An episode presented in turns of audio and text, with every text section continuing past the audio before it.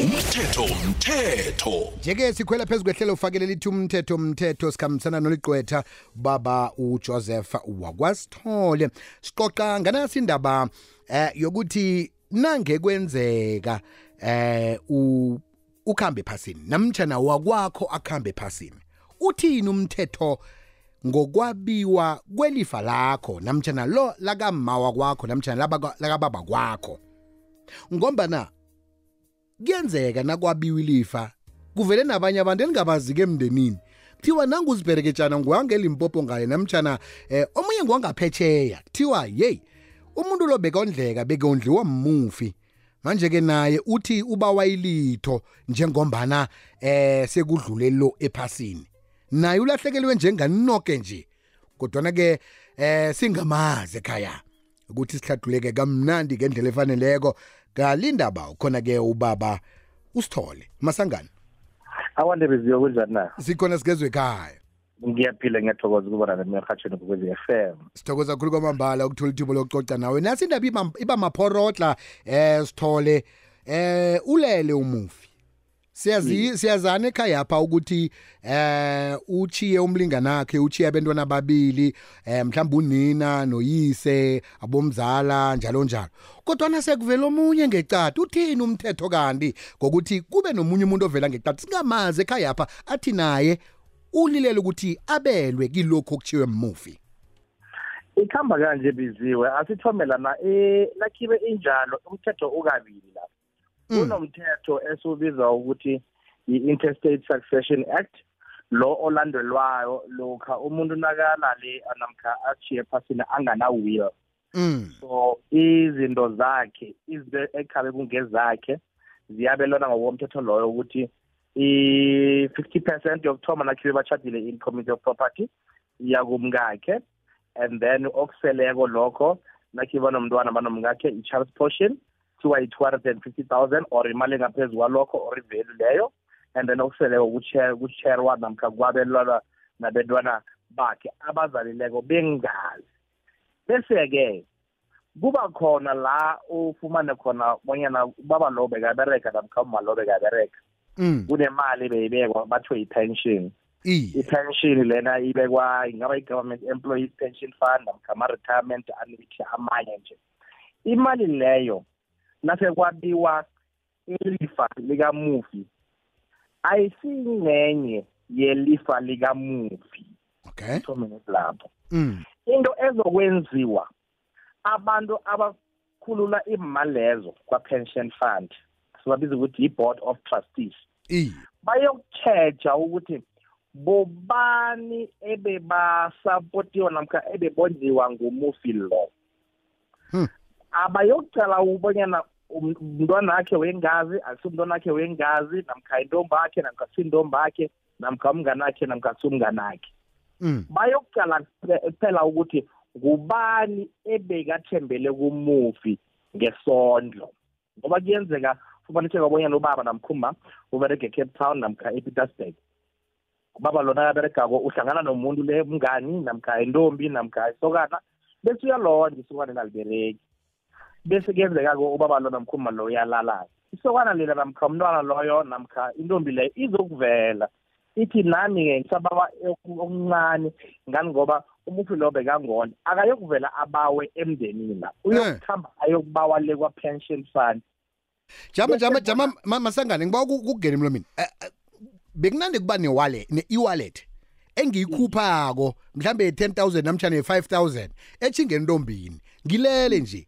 Intombi le inelungelo ukuthi ivele ithi na- n- nanzi nilipho eh benginandi ngiyokukhupha imali mina qobe ngenyanga. Nami ke ngombana ngilahlekelwe ngiba ukuthi ngililiswe ngandledla nathize lobo bufakazi bokuthi bekonziwa kilo oleleko lo. Uyayibona nje. I- umthetho uyamvumela? Uyamvumela umthetho ukuthi naye angasakuhamba ye lapha ayokufaka isibawo. Ngizokwenza umzekelo ngecase nasi yaka-fanfiren kule Iye. case leya-fanfiren amadodana kamufi amabili eh akhambile aye court ayokufuna ukukhandela i-pension eh fund board ukuthi ingakhuphi imali inikele intombi kamufi intombi kabababo le. Mm. Basho ngithi amadodana uh, wakamufi ngithe kosele sifumane imali leyo. Kodwana-ke ithe lokhu nabafaka isibawo ukuphanya i-pension fund nababuzwa ukuthi benondliwa ngumufi na? Bona bathi awa umufi beyangasondli thina sibadala siyaziberegela kodwana ubaba lo yena ngubaba yethu ngithe Mm. kosele sifumane imali leyo hhayi intombi yakhe intombi yakhe yona yathi umufi lo mina bekangondla bengithembele kuye. Hmm. bebe-ke bathatha imali leya yoke bayinikela intombi yakamufi lo. Masangana ngengikuphi efanele sikuyelele ngalokho esikucocako namhlanje into efanele sikuyelele namhlanje ngalokhu esicocako lokhu yikuthi nakhibe uyabereka yewulise uku-create namkha ukwenza i-dependence komunye umuntu ubereke mm. Ngoba kusasa iku- iza kubuya ingene ngendlini umuntu loyo afike athi nami umuntu lo beyangona hey. bawa okuncane ngaphandle kwalokho awukho khunye singakwenza unless umthetho eh namkha iparliament nase bangathi hayi ithi sithugulule le-section thirty-seven c le ye-pension funds act ngoba eh, ingenisa amanzi ngendlini.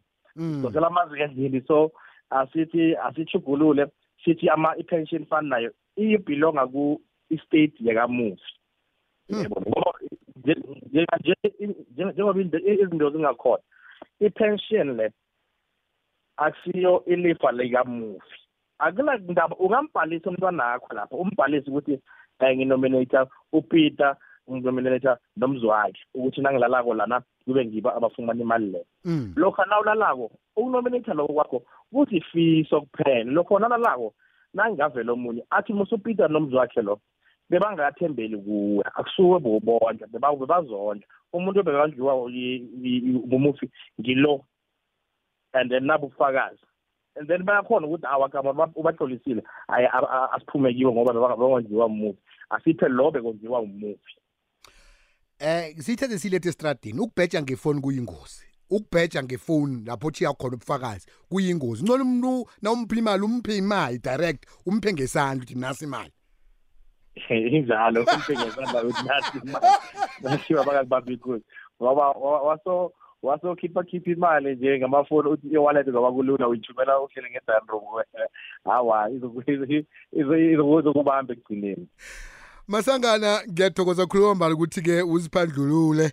Eh sibawa ke inomboro zomtato usitshele ukuthi ama office wenu akuphi. Sitshele nokuthi ke nange kune email address enisebenzisako banganithola kuphi nange umuntu anomraro esicoca ngawo lo.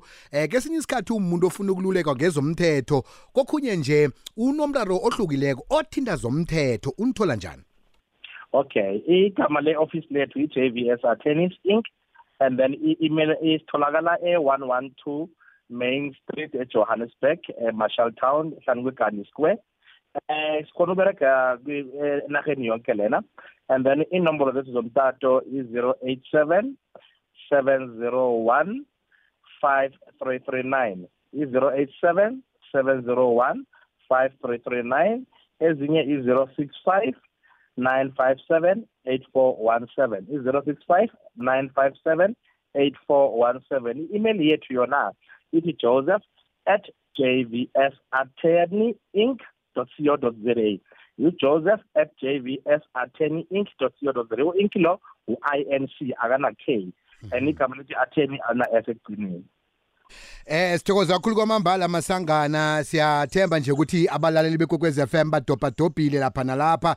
Ungadinwa ngithi ke nangomuso nasikubiza ukusiba usabela ngitsho. Toza mina beziwe. Aha-ke besikhulumisana naye ngobaba ujoseph wakwasithole.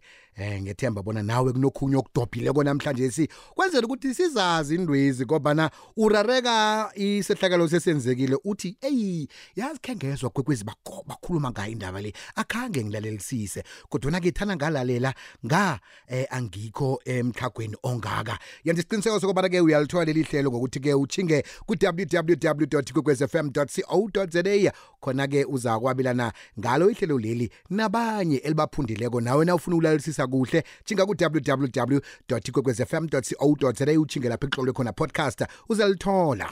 Umthetho umthetho